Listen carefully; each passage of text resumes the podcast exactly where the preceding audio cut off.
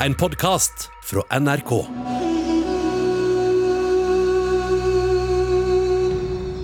My name is Paul Rusesabagina. I am the house manager of the most luxurious hotel in the capital of Rwanda. A place that my family and I happily called our home until the day everything changed. Han er inspirasjonen til Hollywood-filmen Hotell Rwanda. Om den modige hotelldirektøren som reddet mange hundre liv under nedslaktingen av tutsier i Rwanda på 90-tallet. En bragd som gjorde navnet hans kjent over hele verden. Mr. Rusesabagina, please join us. Men så, for kort tid siden, så kom meldingen om at den nå 67 år gamle Rusesabagina er dømt for terror i hjemlandet Rwanda. Og at han sannsynligvis aldri vil rekke å leve som en fri mann noen gang igjen. Hvem er denne mannen egentlig? Og er han ikke den helten vi trodde likevel? Du hører på Oppdatert. Jeg heter Ragna Nordenborg. Paul Rusesabagina er fra Rwanda. Han var en hotellsjef for et luksushotell i hovedstaden Kigali. Et hotell som heter Milkolin og ble drevet av belgiere, eller eid av belgiere, men eh, der Rusesabagina da var hotellsjef. Og det var viktige gjester som kom og gikk i dørene, og han var en høgtstående mann i Rwandas hovedstad. Vegard Kjørholm er journalist i NRK og har jobbet mye med saker fra det afrikanske kontinentet. Og Vegard, selv om Rusesabagina jobbet på byens kanskje flotteste hotell og, og virkelig var en del av den privilegerte middelklassen, så var det jo ting i hans liv, eh, og mange andre ruandres liv, som var veldig vanskelig på denne tiden. Det var nemlig stor splittelse mellom de to folkeslagene i landet, hutuer og tutsier. Og selv så er han hutu, men kona hans, hun er tutsi. Og 6. april 1994 så skjedde det noe som skulle få denne konflikten til å ta en blodig vending. En rakett traff flyet med de to presidentene. Det styrtet i et flammehav, og ingen om bord overlevde. Plutselig så kom nyheten om at et fly var skutt ned over Rwanda, og i det flyet der satt landets president sammen med nabolandets president fra Burundi. Og De to hadde vært på fredsforhandlinger i Tanzania, for Rwanda hadde da vært gjennom tre år med borgerkrig, og de forsøkte å finne en fredelig løsning på det. Men denne nedskytinga blir sett på som et attentat fra Tutsi-militsen i Rwanda, og dette fører til en full mobilisering blant mange hutuer i Rwanda. Ja, hvordan da? Blant annet så er det en radiokanal, Radio Milkolin, som står veldig sentralt her.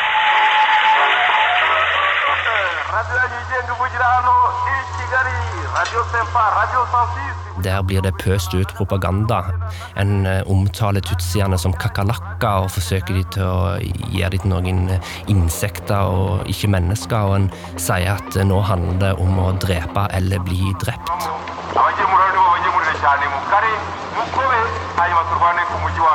Og folk blir oppfordra til å gå ut med macheter og våpen og regelrett bare drepe de en ser som er tutsier. Og resultatet av denne mobiliseringen skulle jo bli fatalt. Granatangrepet kom fra stillingene til opprørsbevegelsen Rwandas patriotiske front, som står like utenfor byen. Mer enn 1000 sivile er blitt drept. Likene ligger langs gatene og i hagene i hovedstaden Kigali. Byens sykehus er overfylt, men mangler personell. Militsa gikk rundt i gatene og leite etter folk som var tutsier. Naboer drepte hverandre. Presten drepte medlemmer av menigheten sin. Slektninger drepte slektninger.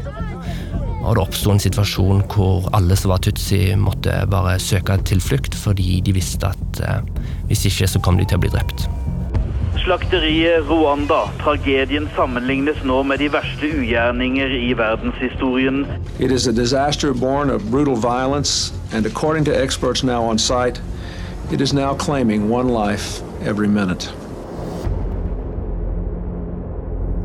Og Paul Russasabagina har jo fortalt at han var vitne til mange av disse forferdelighetene.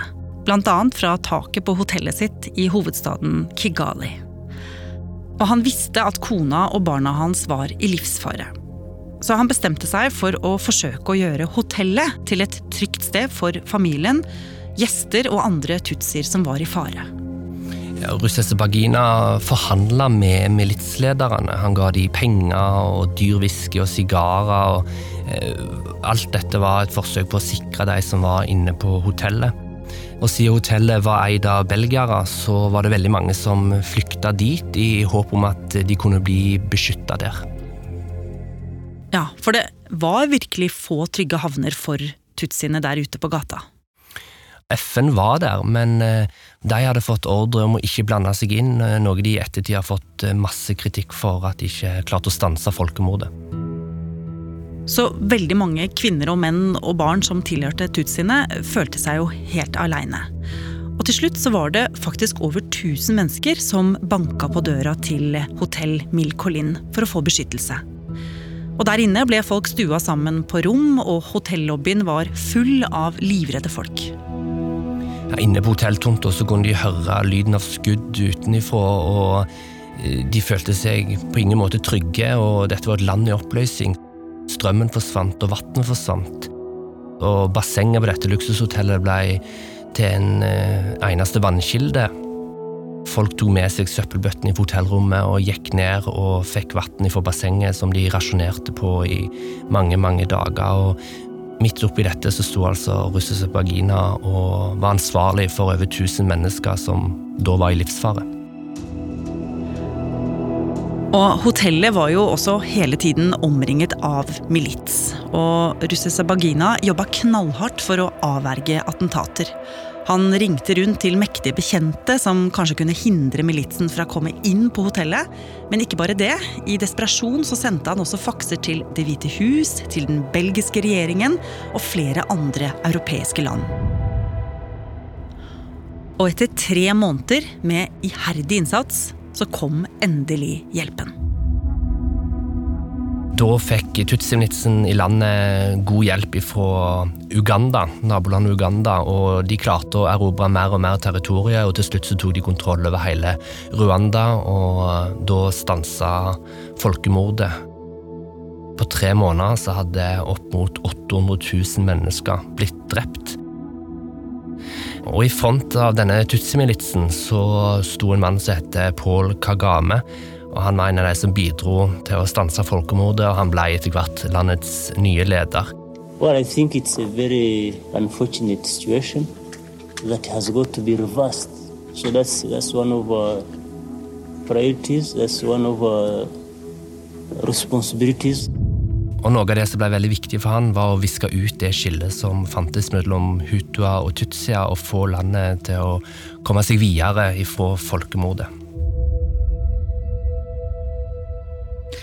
Og også for Paul Rusesabagina ble hverdagen mer normal. Og han fortsatte som sjef på hotellet. Men Rusesabagina, som var moderat politisk, frykta nå at det skulle utvikle seg en stor etnisk sjåvinisme mot hutuer. Og som hutu hevdet han at han selv opplevde nettopp dette. Og etter flere drapstrusler og drapsforsøk bestemte russisabagina seg for å flykte til Belgia. Der fikk han politisk asyl, og han begynte å jobbe som taxisjåfør. Og i mange år levde han et anonymt liv med å kjøre folk til og fra steder i Rwandas tidligere kolonimakt. Samtidig klarte ikke Rusesabagina å ligge fra seg det hjemlandet hadde vært igjennom, og han var svært kritisk til det som skjedde under Kagames ledelse. Mange mente at Kagame selv sto ansvarlig for flere drap da hans milits tok kontroll over hele landet mot slutten av folkemordet, og at Kagame dermed selv hadde blod på hendene. Dette har også Russesabagina uttalt at han mener. Men det var lite Russesabagina kunne gjøre med dette fra sin posisjon som taxisjåfør i Belgia. Men så, Vegard. I 2002 så skulle det sette seg en person inn i baksetet på taxien hans, som etter hvert skulle gi han en gigantisk plattform. Da er det filmregissør Terry George som setter seg inn i taxien. og Russiske Bagina gjør som han veldig ofte gjør med sine taxikunder. Han forteller sin livshistorie, og spesielt historien om folkemordet og hva han gjorde på hotell Milcolin. Og Terry George eh, tenker at dette er en historie som ikke bare kan bli værende i en taxi, og han mener at dette bør bli en film, og i 2005 så kommer filmen Hotell Rwanda ut. Daddy, there are soldiers on the street. They're killing everyone.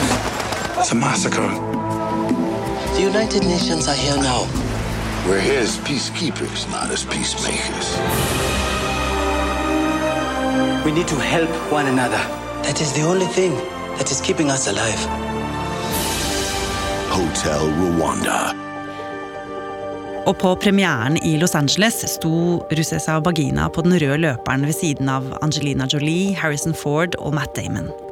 Angelina Jolie served as host at the premiere of Hotel Rwanda. It's a real, it's probably the most important film we have out this year. Filmen ble hyllet av Amnesty International, og den fikk hele tre Oscar-nominasjoner. Og Russesa Bagina ble tildelt Presidential Medal of Freedom av George W. Bush. The United States honors Paul Rusesabagina for his spirit and bravery in defending and caring for his fellow man. Og denne nyvunne toppstatusen, den visste han å bruke for alt det det var verdt. Det han gjør, er at han reiser rundt i hele verden og forteller både om folkemordet, men òg om situasjonen i Rwanda der og da. Og etter hvert så begynner han å bli en ganske krass kritiker av president Kagame. Og i 2006 så startet også Russe Sabagina et regimekritisk parti fra sin eksiltilværelse, der mye handlet om å kritisere nettopp Kagame for å ikke være demokratisk. Og i mange år brukte russisabagina mye tid, penger og ikke minst krefter på å svekke Rwandas mektige president. Men i Kagame så møtte han jo en hard motstander. Altså, Kagame er en president som veldig mange mener gjør bra ting. Han jobber med å gi Rwanda et nytt image etter folkemordet. Kigali er Afrikas tech-hovedstad, der de produserer Afrikas eneste smarttelefon. Han har forbudt plastposer i landet som et av de første i verden.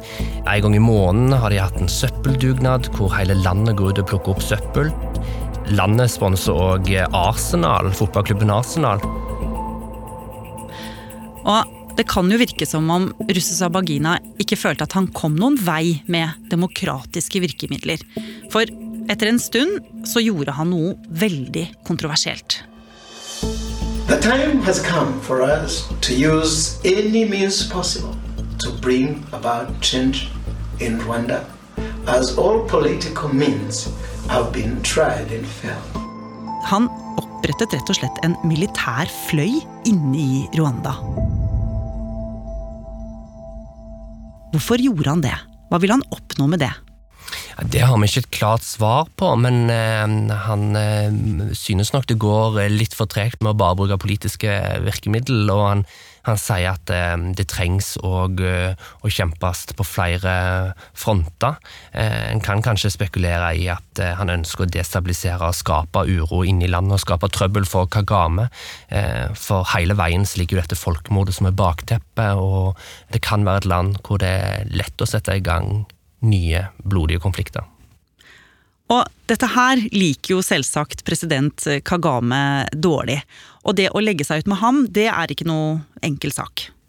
Nei, han slår eh, vanligvis hardt ned på sine kritikere, og eh, Rwandas regime og Paul Kagame er beskyldt for å ta livet av folk som har søkt eksil i andre land, og en antar òg at de har spioner rundt omkring i, i, verden, så det er ikke en president du har lyst til å være uvenn med, egentlig. Eh, men russiske vagina har allikevel tatt sjansen. Og den 26. august i fjor så var det Russesa Baginas tur til å få skikkelig trøbbel. Han hadde fått en invitasjon til å snakke til kirkeledere i Burundi av en prest han kjente til. Og russiske Abogina satte seg på flyet fra USA, og det skulle mellomlandes i Dubai. Før han skulle fly videre i et privatfly til Burundi. Men det han ikke visste, var at denne presten hadde lagt en felle sammen med Kagames regime. Så mens Russesebagina duppet av og samla krefter til den planlagte konferansen, så satte flyet kursen mot Rwanda og Kagame. Etter noen dager dukket han opp på TV iført håndjern. Og det ble fort klart at han var siktet for terror og finansiering av terror. Og I tiltalen kom det også frem at hans milits hadde stått bak drapet på ni personer i 2018. Og bildene av helten fra Hotell Rwanda gikk verden over. Breaking news now. In the last hour, a court in Rwanda has found the former hotel manager who is credited with saving hundreds of people during the 1994 genocide guilty of terror related crimes. On parade in front of the world.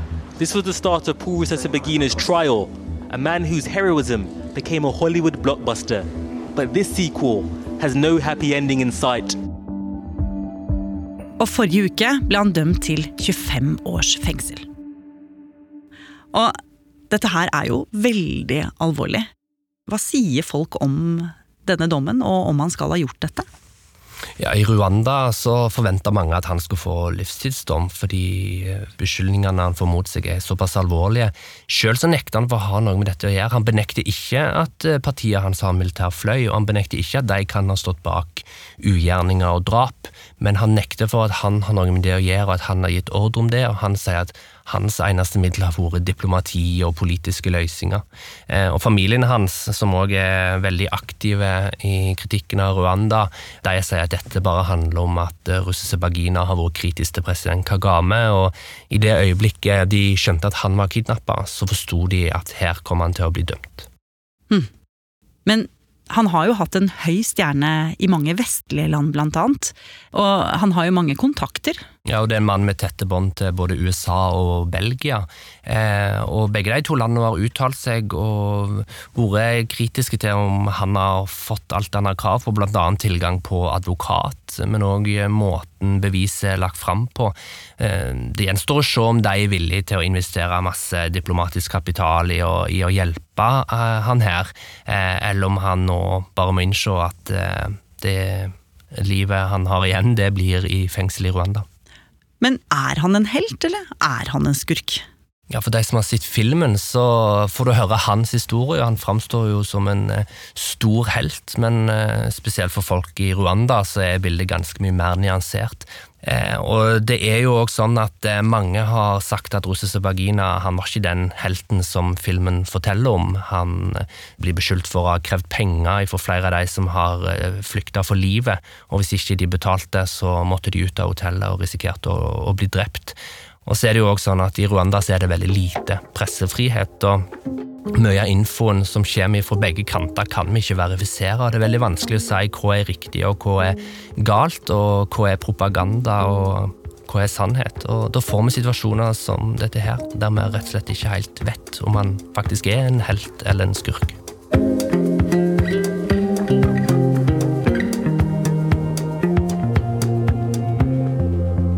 Har du lyst til å bli fast lytter av oss i Oppdatert og få påminnelse om nye episoder, er det bare å følge oss i NRK radioappen. Og så er det veldig hyggelig hvis du vil anbefale oss til en venn. Oppdatert er en podkast fra NRK Nyheter, og denne episoden er laget av Ida Tune Øritsland, Andreas Berge og meg, Ragna Nordenborg. Programredaktør er Knut Magnus Berge. Vil du kontakte oss, gjør gjerne det på oppdatert krøllalfa nrk.no. Du har hørt en podkast fra NRK. Hør flere podkaster og din favorittkanal i appen NRK Radio.